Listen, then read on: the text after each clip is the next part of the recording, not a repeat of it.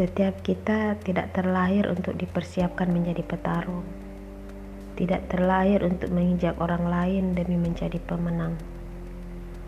Selama ini, dunia yang kita huni layaknya arena lomba. Siapa yang lebih cepat, lebih baik. Siapa yang bisa mengejar yang lain, lebih baik. Siapa yang pertama sampai lebih dulu, pasti dia yang lebih baik. Selama ini, dunia yang kita tahu ini tidak mengajari kita untuk mengalah, tidak mengajari kita untuk menerima kegagalan, tidak mengajari kita untuk memaafkan keterlambatan, tetapi melatih kita untuk mengalahkan jutaan manusia lain.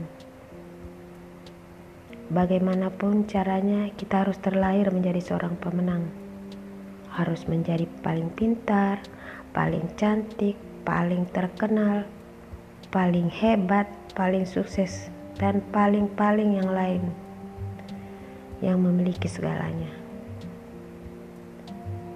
Kita tidak boleh lembek, karena kalau kita lembek, jutaan orang akan menginjak kita dan mendahului kita.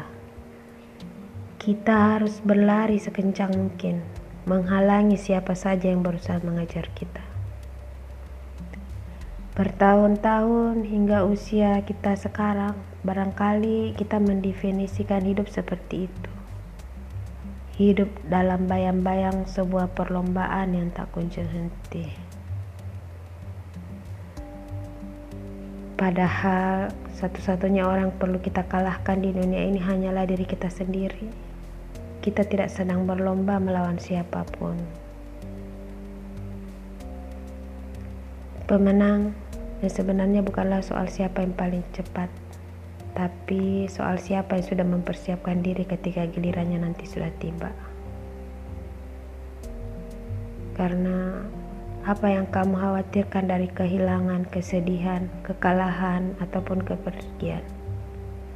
Sedang setelahnya, Tuhan bisa menjaminkan hal lain yang lebih baik yang tak pernah kamu duga. salah satu doamu akan dikabulkan olehnya. Berbahagia, syukuri, dan selalu syukuri, jangan lupa.